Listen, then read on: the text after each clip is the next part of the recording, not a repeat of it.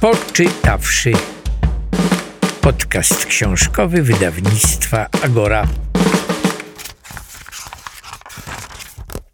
Łukasz Hasliba Przedwojnie. Najdziwniejsza wydawała się cisza.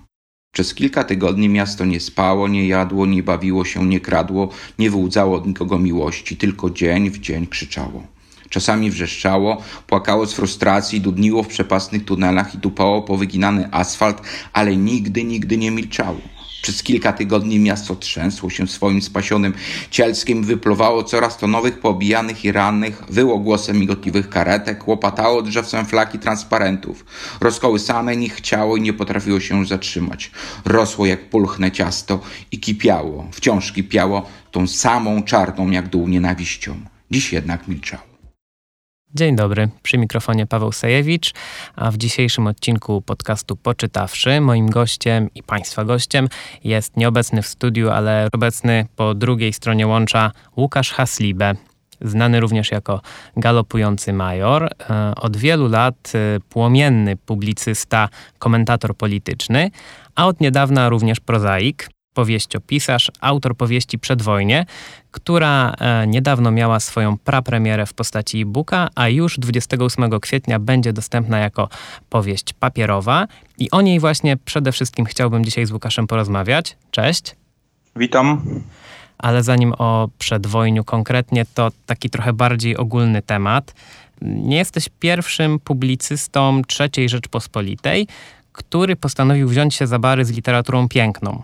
Tyle tylko, że y, głównie twoimi poprzednikami byli autorzy z zupełnie drugiej strony tego politycznego myślnika, e, publicyści, głównie konserwatywni i prawicowi. Nie wiem, Bronisław Wilczstein, e, Cezary Michalski, Rafał Ziemkiewicz, e, Waldemar Łysiak i tak dalej, i tak dalej. A takich lewicowych publicystów, którzy zajmują się również literaturą piękną, bądź też literatów tak mocno zaangażowanych w publicystykę, było raczej niewielu. Przychodzi mi na myśl chyba tylko Wojciech Orliński, który napisał powieść, ale no, powiedzmy sobie, że nie jest z tego głównie znany.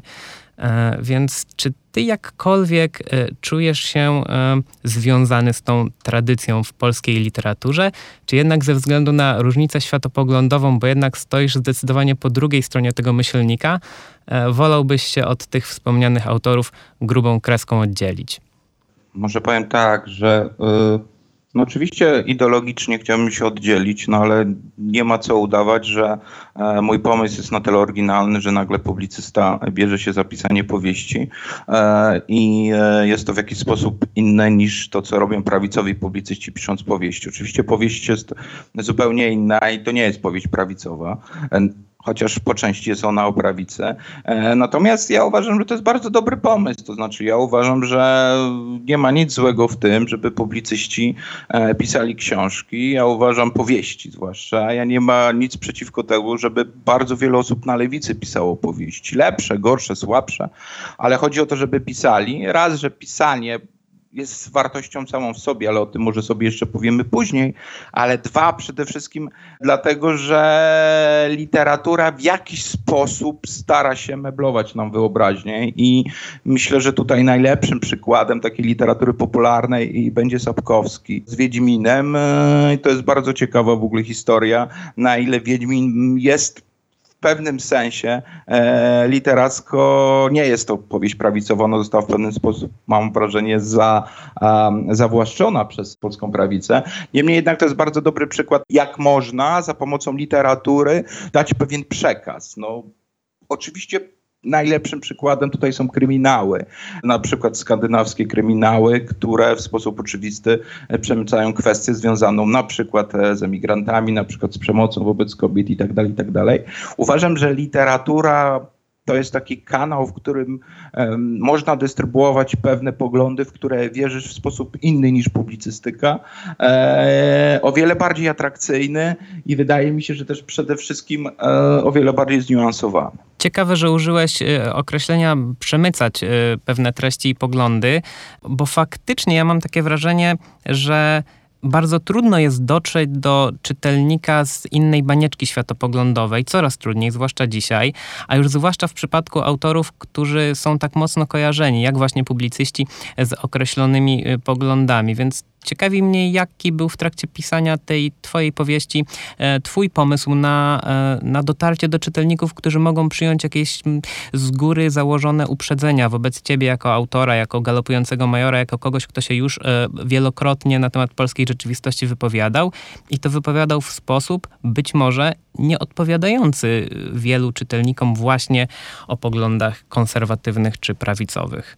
Myślałeś o tym pisząc? Tak, tak, tak. Natomiast to jest książka, która zakłada pewną uczciwość w stosunku do bohaterów.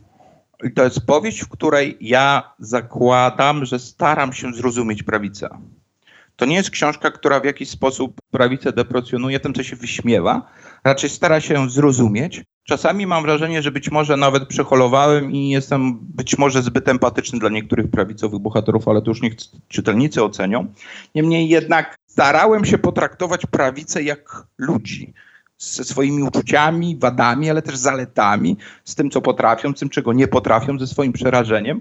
Mam wrażenie, że literatura tylko wtedy ma sens, jeżeli staramy się uczciwie podejść do naszych bohaterów i pokazujemy ich własne poglądy, czy odtwarzamy ich własne poglądy, ich własny świat e, w taki sposób, że e, to nie jest tak, że tylko jedna strona ma rację. Czyli w tym sensie chciałem pokazać, co stoi za prawicowymi wyborami, co stoi za tą częścią ludzi, co może stać za nimi w przyszłości. Zresztą starałem się tak do każ każda postać, mam taką nadzieję, jeżeli czytelnicy będą czytać, ma, no jest to nie tylko postać krwi i kości, ale przede wszystkim ma określone poglądy, one z czegoś wynikają, ma jakiś określony background i przede wszystkim staram się uczciwie opowiedzieć o prawicy, a nie w sposób publicystyczny, nie chciałbym e, prawicę e, nieco wyśmiewać. E, moja poprzednia książka, czyli, czyli Pancerna Brzoza, no to już była taka książka trochę publicystyczna, m, gdzie pokazywałem pewne imaginarium językowe, jeżeli chodzi o prawicę i tam rzeczywiście e, było mnóstwo złośliwości, no bo taki był cel tej książki. Tutaj jest zupełnie inaczej. Tutaj chciałem po prostu potraktować każdego bohatera jako osobę, którą znam, o której dużo wiem, który jest moim znajomym i w jakiś sposób się go wytłumaczyć przed światem. Jedną sprawą jest stosunek do postaci, a drugą sprawą jest stosunek do poglądów tej postaci. Myślę, że w Twojej książce jednak e, opinia narratora być może również opinia autora, wobec e, sfery poglądów rozmaitych bohaterów, czy to z prawa, czy, czy, czy z lewej strony politycznej, pokazanych w tej książce, no opinia jest bardzo krytyczna. I, i to jest troszeczkę taki punkt, w którym e, czytelnik twojej książki może nagle poczuć, że ktoś próbuje, nie wiem, wyszydzić, a może podważyć jego przekonania. I to jest ta trudność, moim zdaniem, w dotarciu do, do czytelnika, yy, który jest z innej bańki światopoglądowej. To jest powieść, jak mi napisała jedna osoba, która już zdążyła przeczytać i zrecenzować, gdzie ja owszem, jednocześnie potrafię w jakiś sposób bronić tych postaci, czy je tłumaczyć, a jednocześnie daję razy każdemu. To znaczy, to jest e, powieść, w której każdemu się trochę dostaje. Wobec czego mm, to jest moim zdaniem e, pewne staranie się, czy usiłowanie, no bo oczywiście nie możemy być w pełni obiektywni, ale staranie się w, tej, w tych ramach e, rzeczywiście pewnego lewicowego postrzegania świata, bo, bo, bo nie będę ukrywał, że to jest jakieś inne. Starałem się po prostu, jeżeli była pewna krytyka wynikająca z e, narracji albo, albo narzucająca się czytelnikowi, no to plusem dla tego czytelnika prawicowego będzie to, że to nie tylko moi dostali, ale też dostało się liberałom, dostało się, nie wiem, księżom, dostało się, e, ale księżom i łagiewnickim i nie wiem, księżom e, ryzykowym, dostało się i rządowi liberalnemu, ale i, i mojej partii, wobec czego tutaj ta sytuacja wygląda, to nie jest tak, że kopana jest tylko i wyłącznie e, jedna strona, aczkolwiek no, starałem się w sposób uczciwy wskazać co będzie ok, a co nie będzie ok, i w sposób uczciwy pokazać pewne konsekwencje e, naszych e, słów i czynów, no bo książka wpisuje się w pewien nurt katastrofizmu i, i, i z katastrofami to zwykle tak jest, że nie jest tylko i wyłącznie jedna strona winna. No dobrze, to o czym jest Twoja powieść? Gdybyś miał opisać ją czytelnikowi, który być może właśnie jest do galopującego majora w jakiś sposób uprzedzony. Łukasz Haslibe, galopujący major, napisał powieść. O czym? Wyobraźcie sobie Frantik Polanskiego, który dzieje się w upadającej Republice Weimarskiej roku 2030. Czyli dajmy na to jest jakieś tło. Natomiast tak naprawdę ta książka jest o małżeństwie, o mężczyźnie, któremu ginie żona. Żona e, nie może jej znaleźć, a jednocześnie jest zamordowany jego teść, który jest prawicowym politykiem. No i ten mężczyzna w pierwszej części musi szukać tej żony.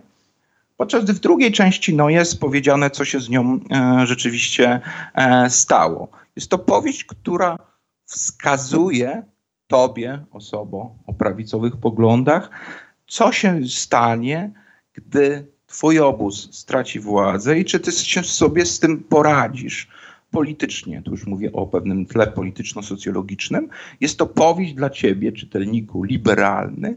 Co się stanie, jeżeli twoi idole, czy twój ruch zdobędzie władzę i czy jesteś w stanie e, w jakikolwiek sposób powstrzymać się przed zemstą. Jest to książka dla ciebie, czytelniku lewicowy, który zobaczysz świat spoza własnej lewicowej banieczki, czyli świat i prawicowy, liberalny, który skacze sobie do gardła. Jest to powieść dla ciebie osobą, których o wiele mniej interesują losy bohaterów powieści, ale interesują cię losy przyszłej tej planety czy tego kraju i zobaczysz w jaki sposób ten kraj no, w wielu miejscach się po prostu zapada. Jest to książka dla tych wszystkich, którzy cały czas zdają sobie sprawę, że sprawy poszły, czy, czy, czy, czy, czy to, co się dzieje w Polsce, poszło już trochę za daleko i w jaki sposób należy się cofnąć. Jest to powieść o tym, że zmierzamy wszyscy do pewnej katastrofy i trzeba się zatrzymać. Jednocześnie jest to powieść, która pokazuje, mówi nie tylko o katastrofie w sensie politycznym, ale też pokazuje katastrofę małżeńską, czyli pokazuje to, w jaki sposób może się okazać, że wszystko, co wokół nas się dzieje, jest fikcją, w jaki sposób należy brać pod uwagę to, że miłość nigdy nie jest dana raz na zawsze i trzeba o nią dbać, chuchać i dmuchać. No i o tym, że nasze życie czasami stawia nas w takich sytuacjach, że nie można się cofnąć i trzeba ponieść tego konsekwencje. I to też jest powieść, która myślę y, trafia do czytelnika e, zainteresowanego po prostu thrillerem. Wspomniałeś o Frontiku Polańskiego, e, o poszukiwaniu zaginionej żony, o morderstwie, więc y, na ile tak. trudno było ci wyważyć ten ładunek związany z ze stroną polityczną, światopoglądową twojej prozy, a e, ładunek związany z prozą gatunkową, która też się w tej powieści zawiera, z po prostu e, koncepcją thrillera. To wynika trochę z pewnego rozwoju, myślę, osobowościowego, również, również ideologicznego, być może również z wieku. To znaczy, e, rzeczywiście, no ja nie ukrywam, że pewnie każdy, kto pisał, próbowałem też prozy wysoce artystycznej. Mam pewną powieść, mini powieść niewydaną, napisaną taką prozą poetycką, bardzo, bardzo intensywną. Natomiast z czasem e, zauważyłem i, i doszedłem do wniosku, że zaszła we mnie pewna zmiana. To znaczy mam wrażenie, że taka proza wysoko artystyczna jest, e, opiera się na pewnym egoizmie, egocentryzmie, gdzie to ja jestem najważniejszy, daję światu swoje dzieło, a reszta e, czytelników powinna przez nie jakoś próbować przebrnąć i się z nim wadzić. Więc to ja jest tutaj najważniejsze. W przypadku prozy gatunkowej jest na odwrót, to znaczy ona jest o wiele bardziej empatyczna, ponieważ ona pokazuje pewne rzeczy, które ja oczywiście jako autor chcę przekazać, ale w o wiele bardziej atrakcyjnej formie. Formie, która jest znośna o wiele bardziej dla czytelnika. To znaczy w pewnym wieku, czy w pewnym momencie e, zaczynasz się zastanawiać, czy to jednak nie czytelnik jest ważniejszy od autora, wobec czego musisz wybrać taką formę, przekazywania swoich myśli, e, poglądów, wizji, żeby czytelnik e, się z tym nie męczył. Dlatego, dlatego uważam, że wybrałem thriller, Istotą dobrej książki to jest jest to, żebyś jednocześnie potrafił na kilku e, warstwach e, się poruszać i żeby to wszystko razem e, miało pewien sens i, w jakiś sposób było skonstruowane tak, żeby się nie rozlazło. No, Imię Róży Umberto jest bardzo dobrą książką ze swoim tym słynnym podwójnym kodowaniem. Możesz to sobie czytać spokojnie jako, jako książkę niemal detektywistyczną i będziesz zadowolony. Możesz się cieszyć, ponieważ masz tam masę wątków filozofii średniowiecznej i ktoś, kto kto to lubi, będzie zadowolony. Możesz to słuchać jako historię kościoła i tak dalej, i tak dalej. Masz więc kilka takich e, e, warstw, e, które jednocześnie tworzą pewną spójną całość. I tutaj chciałem to zrobić. Oczywiście ja nie będę twierdził, że, że, że piszę na poziomie Umberto Eco, ale chodzi mi mniej więcej o podobny zamysł. To znaczy, pewnym szkieletem jest thriller polityczny i można tę powieść czytać po prostu jako thriller polityczny z cliffhangerami na koniec, e, z pewnymi zwrotami akcji, z zaskoczeniem, e, z zagadkami, czyli ze wszystkim tym, co lubimy, jeżeli chodzi o thriller, z emocjami. No, nie ukrywam, że również jest tam trochę opis, e, jest tam również opis przemocy, zwłaszcza przemocy ulicznej. I to jest jedna rzecz. Możesz tą książkę czytać jako dramat małżeński i, i czy dramat rodzinny, pewną toksyczne wizje rodziny, które tam się pojawiają. Możesz tą książkę oczywiście czytać w sposób jak najbardziej polityczny. E, możesz tą książkę czytać również jako w sposób taki dosyć, e, jak to lubią futuryści, czyli, e, czy futurolodzy, przepraszam, czyli po prostu jak to będzie wyglądało w przyszłości i patrzeć, bo książka była pisana od dwóch, niemal od dwóch lat, co udało się już przewidzieć, a, a co pewnie się nie stanie, a wreszcie możesz, i to też był jeden z moich celów w tej książce. Zapaść się w fotel, jeżeli chodzi o stylistykę i dać się porwać takiemu potoczystemu e, stylowi, który celowo do tej e, powieści wybrałem. Więc pomysł był taki, żeby wielu rodzajom czytelników dać e, pewną przyjemność obcowania z tym, co, z tym, co lubią. E, coraz częściej mam wrażenie, że e, chciałbym też próbować w przyszłości, pewnie w jakichś innych gatunkach. Ja naprawdę bym się nie obraził, jeżeli mógłbym napisać nawet fantazy, nie obraziłbym się, jeżeli miałbym napisać nie wiem, kawałki rapowe, czy nie obraziłbym się, że miałbym pisać reportaż historyczny i tak dalej, i tak dalej. Uważam, że należy używać bardzo różnych e, narzędzi i bardzo różnych form literackich do tego, żeby przekazać światu coś, co się uważa, że jest, powinno być ważne, czy jest ważne ale jednocześnie to jest bardzo wielka mnogość tych komunikatów i, i środków wyrazu, jak sam wspomniałeś, które mogą ciągnąć y, Twoją książkę, czy jakąkolwiek prozę w różnych, często wykluczających się kierunkach. W tym procesie pisania powieści, jak udawało Ci się zapanować nad materią literacką w taki sposób, żeby jednak ten efekt finalny zachował spójność, zachował jakąś jednolitą strukturę, żeby to nie, była, to nie było silvererum. Przede wszystkim to, m, musi być pewien kręgosłup powieści i ten wątek sensacyjny w książce, ten thrillerowy byśmy powiedzieli, to jest wątek, na którym wszystko jest zasadzone. To znaczy on rzeczywiście bez niego całkowicie powieść się e, rozchodzi i rozłazi w szwach. Natomiast więc dlatego mam wrażenie, że, że, że czy, czy mam nadzieję, że czytelnikowi się to spodoba. I dzięki temu dopiero to jest trochę jak taka choinka, która stoi na razie naga nam w salonie i dopiero na nią możemy wieszać poszczególne ozdoby. Wieszać łańcuchy, wieszać bombki, a na końcu oczywiście w finale e, zawiesić gwiazdę na samej górze. Wobec czego trzeba być bardzo ostrożnym, żeby przy pisaniu, przynajmniej w mojej ocenie, tego typu y, powieści, żeby to zbalansować. To znaczy, trzeba uważać e, i z tym, żeby nie było za dużo, nie wiem, opisów przyrody, ale jednocześnie, żeby nam się polityczne czy właściwie ideologiczna dyskusja nie rozdeła, tak jak to, nie wiem, czasami bywa u Dostojewskiego. Trzeba się zastanowić nad tym, żeby wątek sensacyjny, jeżeli jest, miał on sens i żeby go nie podważał sam e, czytelnik. Trzeba jednocześnie e, dbać o to, e, żeby postacie były na tyle wiarygodne e, i miały swoje racje, że jesteśmy w stanie wcisnąć ją w pewne ramy. Tak, czyli innymi słowy, wątek sensacyjny jest tutaj, użyję może innej metafory, pewnej, pewnym, pewną ramą, w którą dopiero wkładamy poszczególne elementy,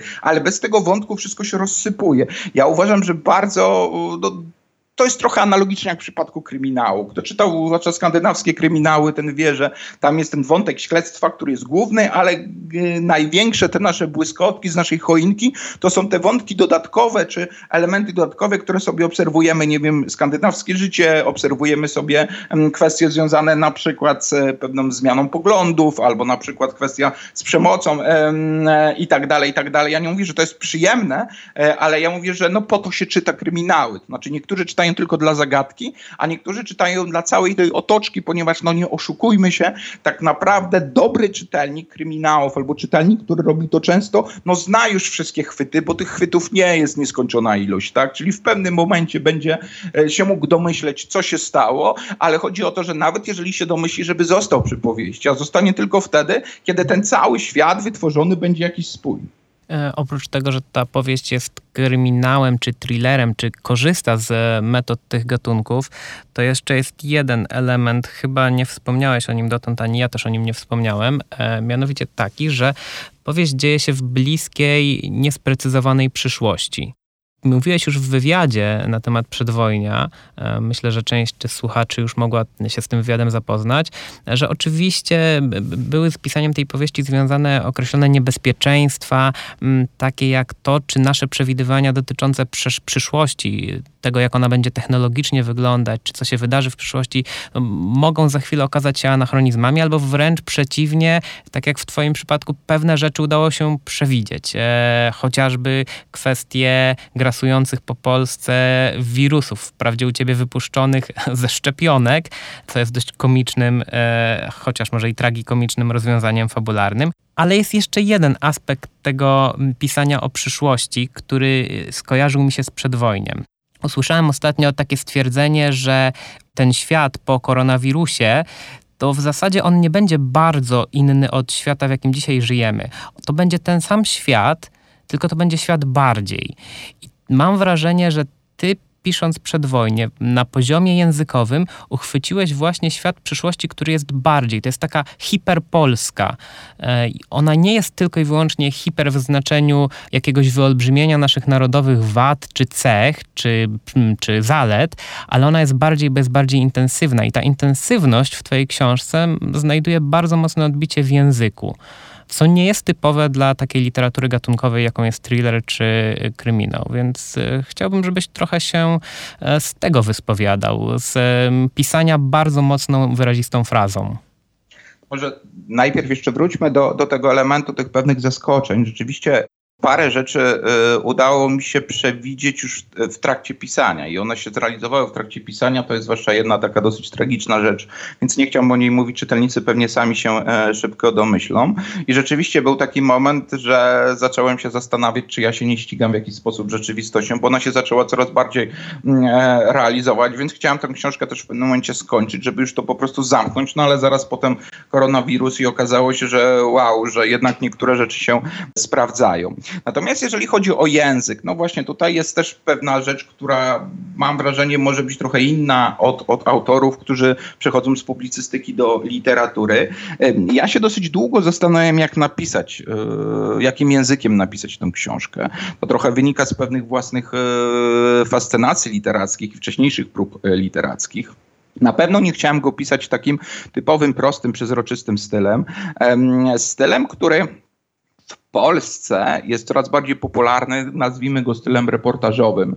Można by go nazwać, ja sobie go czasami roboczo nazywałem stylem wydawnictwa Czarne, ale, ale to jednak nie, no bo Czarne wydało chociażby Danilo Kisza, Ogród i Popiół i, i to jest naprawdę proza wysokiej próby, jeżeli chodzi o liryzm. Natomiast mam wrażenie, że, że, że bardzo dużo osób pisze takim e, językiem, powiedzmy mało przymiotników, e, krótkimi zdaniami. E, to jest styl, który jest bardzo oszczędny i który oczywiście ma swoje plusy, ma swoje minusy, ale ja tym pisać nie chciałem, ponieważ coraz częściej mam wrażenie, że mm, tych książek książek pisanych takim stylem powstaje coraz więcej, coraz więcej. Ci autorzy w ogóle nie są między sobą odróżnialni. To znaczy od pewnego momentu tak jakby wszyscy pisali um, takim samym um, stylem. Tego nie chciałem. Nie chciałem też pisać oczywiście prozą poetycką. Tak jak powiedziałem, mam jedną próbę za sobą, gdzie chciałem dotrzeć jakoś na granicę metafory. To jest bardzo trudne do czytania. Jedna koleżanka, pisarka mi wręcz powiedziała, że, że, że to bardziej wygląda jakiś duży poemat. Więc to oczywiście też odpadało, również z szacunku dla czytelnika. E, no ale w pewnym momencie pomyślałem, że może pisać powinienem tak jak mu, mówię. Parę osób mówi, że właśnie w ten sposób może by spróbować. I rzeczywiście mi to podpasowało. To mi trochę podpasowało również e, ze względu na, na ostatnie literackie e, fascynacje, czyli, czyli oczywiście kwestia Faulknera, oczywiście kwestia węgierskich pisarzy, przy czym może nie Maraj, bo on taki bardziej nabokowy jest, ale, ale Nadas czy Esterhazy, czyli tacy pisarze, którzy, którzy w jakiś dłuższy sposób są od lat ze mną, pisarze, którzy tworzą bardzo długie, skomplikowane zdania i które potrafią tak pisać w sposób dosyć potoczysty. No i pomyślałem, że może w ten sposób zintensyfikuję te doznania podczas samej lektury. Dla mnie jest to dosyć istotne, ponieważ dla mnie e, styl pisania powieści jest rozstrzygający dla mojej własnej oceny dla mnie jako czytelnika, tak? Znaczy mogę mieć fantastyczną pomieść, powieść, fantastyczne wątki fabularne, ale jeżeli ja tam nie znajdę językowo coś, co mnie w pewien sposób zainteresuje, to ja raczej tego czytać już nie będę. Zawsze piszecie trochę książki takie, jakie chciałoby się samemu czytać. Dlatego też postanowiłem e, napisać to takim stylem, e, na takim dużym flow literackim. Tyle tutaj trzeba mm, oczywiście być wyczulonym na parę kwestii. To znaczy, rzeczywiście ten długie zdania, dociskanie gazu, to przypomina trochę jazdę samochodem albo spadanie z takiej kaskady. Trzeba pilnować jednak w pewnym sensie um, się wtedy o wiele bardziej niż normalnie, ponieważ czasami można tą docisnąć gaz za bardzo i, i czasami przechodzi nam to w jakieś strumienie świadomości. To tego oczywiście chciałem, chciałem uniknąć, czyli bardziej, jeżeli byśmy patrzyli na Faulknera, to jest światło w sierpniu czy Absalom niż, e, niż ciekłości i wrzask oczywiście. Więc więc e, chodziło mi raczej o to, żeby po prostu pisać takim powiedzmy stylem, który przypomina trochę rozlewisko, a nie takie mm, pojedyncze mm, pancze, które są e, czasami w literaturze małymi, drobnymi e, zdaniami. No i tutaj przypomniał mi się oczywiście jeden z moich ukochanych e, poetów, czyli Josip Brocki, który miał twierdzić, że jednak to rytm jest ważniejszy od rymów. I on, u niego to widać, jak on recytuje, czy słychać, jak on recytuje, no tak się nie zna rosyjskiego, że tam rytm jest bardzo bardzo ważny. Ja też chciałem, żeby te zdania miały pewien rytm, dlatego też na przykład uważam, że tą powieść o wiele lepiej się czyta nie w odcinkach, tylko od razu się siada, ona jest też tak napisana, żeby ją można było przeczytać wręcz w jeden dzień albo w dwa wieczory, że się zapadamy i ten styl nas po prostu łapczywie obejmuje i widzimy coraz więcej i więcej to taka łapczywość pisania, która ma być w pewien sposób e, e, zgrana z łapczywością czytania. Też o to mi tu chodziło. Tą stylistyką starałem się mm, opowiedzieć tą historię, bo miałem wrażenie, że takich książek używając pewnego takiego potoczystego stylu jest w Polsce coraz, jest po prostu za mało.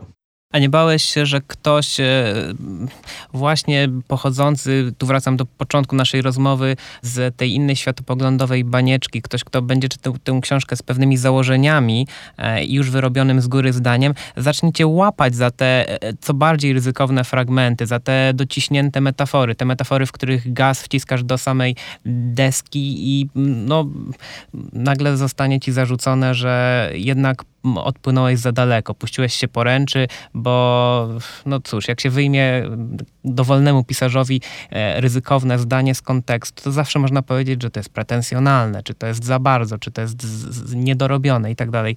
Więc e, to, to, to, to ryzyko było warte tego, żeby spróbować?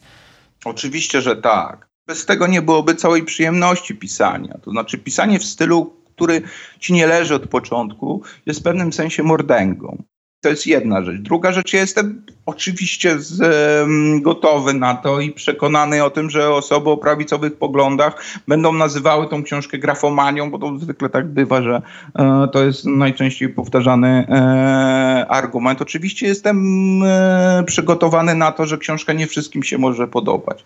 Oczywiście jestem przygotowany na to, że niektórzy myślą, że to będzie literatura bardzo wysokiej próby, wobec czego będą porównywali ją do najlepszych dzieł literackich e, w Polsce, no i będą prychać. Oczywiście zdaję sobie z tego sprawę, że niektórzy wyjmą fragment, nie wiem, dajmy na to sceny erotycznej, która była pisana celowo z pewnymi założeniami i nie do końca rozumiejąc, y, dlaczego była pisana tak, wyśmieją go jako, nie wiem, kwestię e, jakiegoś opowiadania pornograficznego. Polski czytelnik, musimy o tym pamiętać e, często, również ten prawicowy czytelnik, to jest czytelnik, który jest w chowany na pewnym kanonie i, i rzadko od tego kanonu chce e, odchodzić, ale to oczywiście dotyczy również liberalnych czytelników, więc pamiętajmy o tym, że tutaj jest pewne ryzyko, na które ja się oczywiście zgodziłem i które brałem pod uwagę, że czasami może się okazać, że jednak trochę za bardzo przeszarżowałem. Ale ja wolę przeszarżować w tej prozie niż się zatrzymać w pół drogi, bo nie mam wrażenia, że wtedy ta książka miała być tą dodatkową stylistyczną wartość.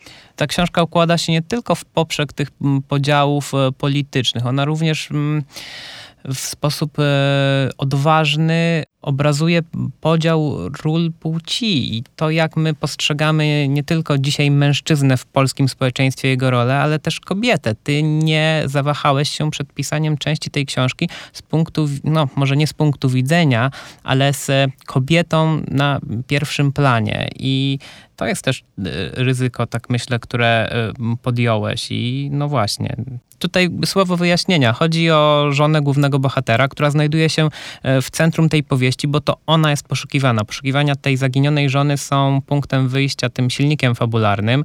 E, I oczywiście ta nieobecność mogłaby świadczyć o tym, że to jest postać, która jakiejś fabularnej roli ważnej e, w kolejnych scenach nie odgrywa, ale jednak mm, i przemyślenia głównego bohatera o tej postaci, o, o swojej żonie i, i kolejne działania tej żony no, decydują decydują o tym, jaką ostatecznie wymowę ma twoja powieść. Tak, no tutaj nie ma jednego bohatera. Jeżeli chodzi o pierwszoplanowych bohaterów, mamy dwójkę, czyli mamy małżeństwo.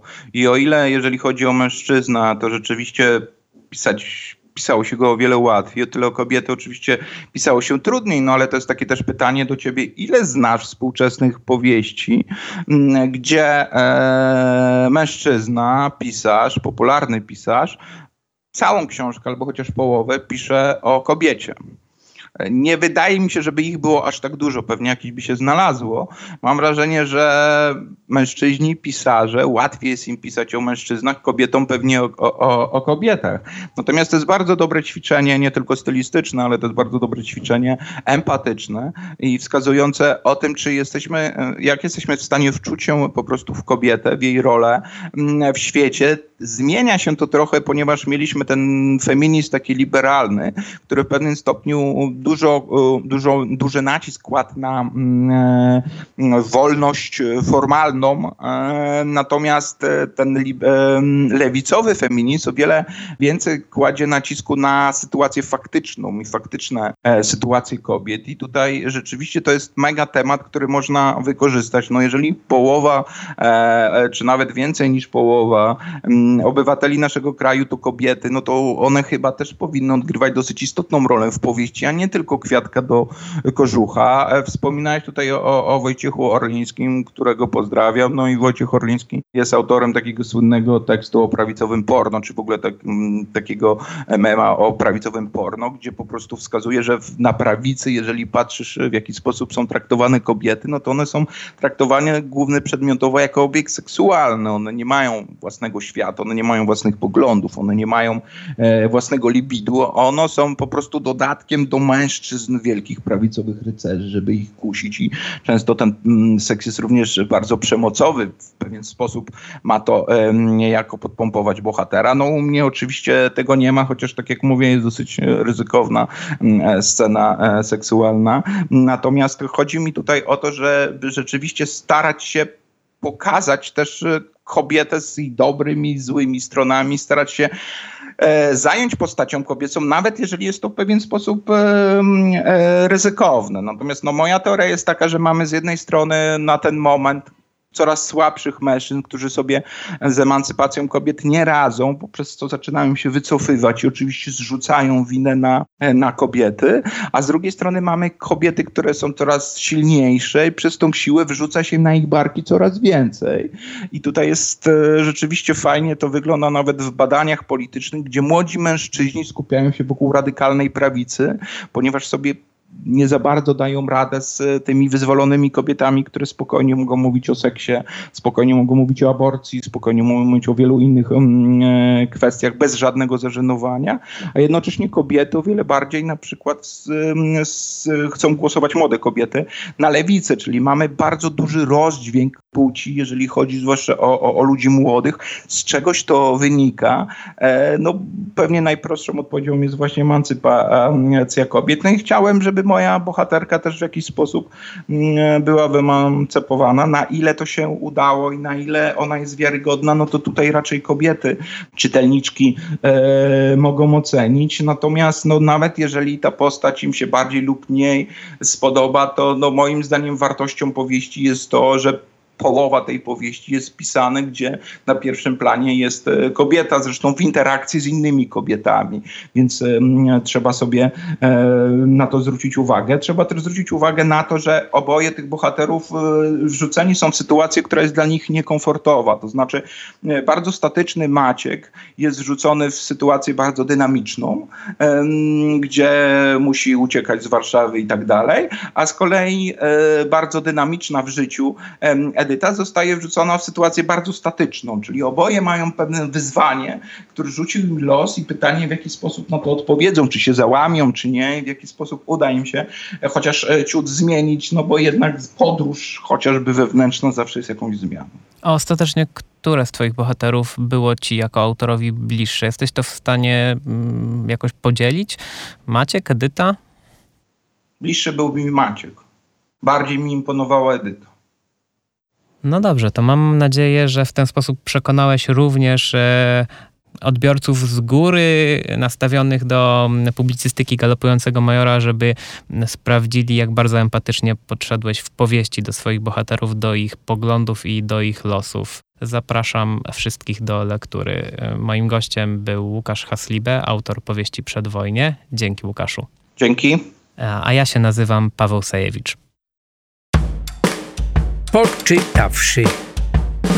Podcast książkowy wydawnictwa Agora.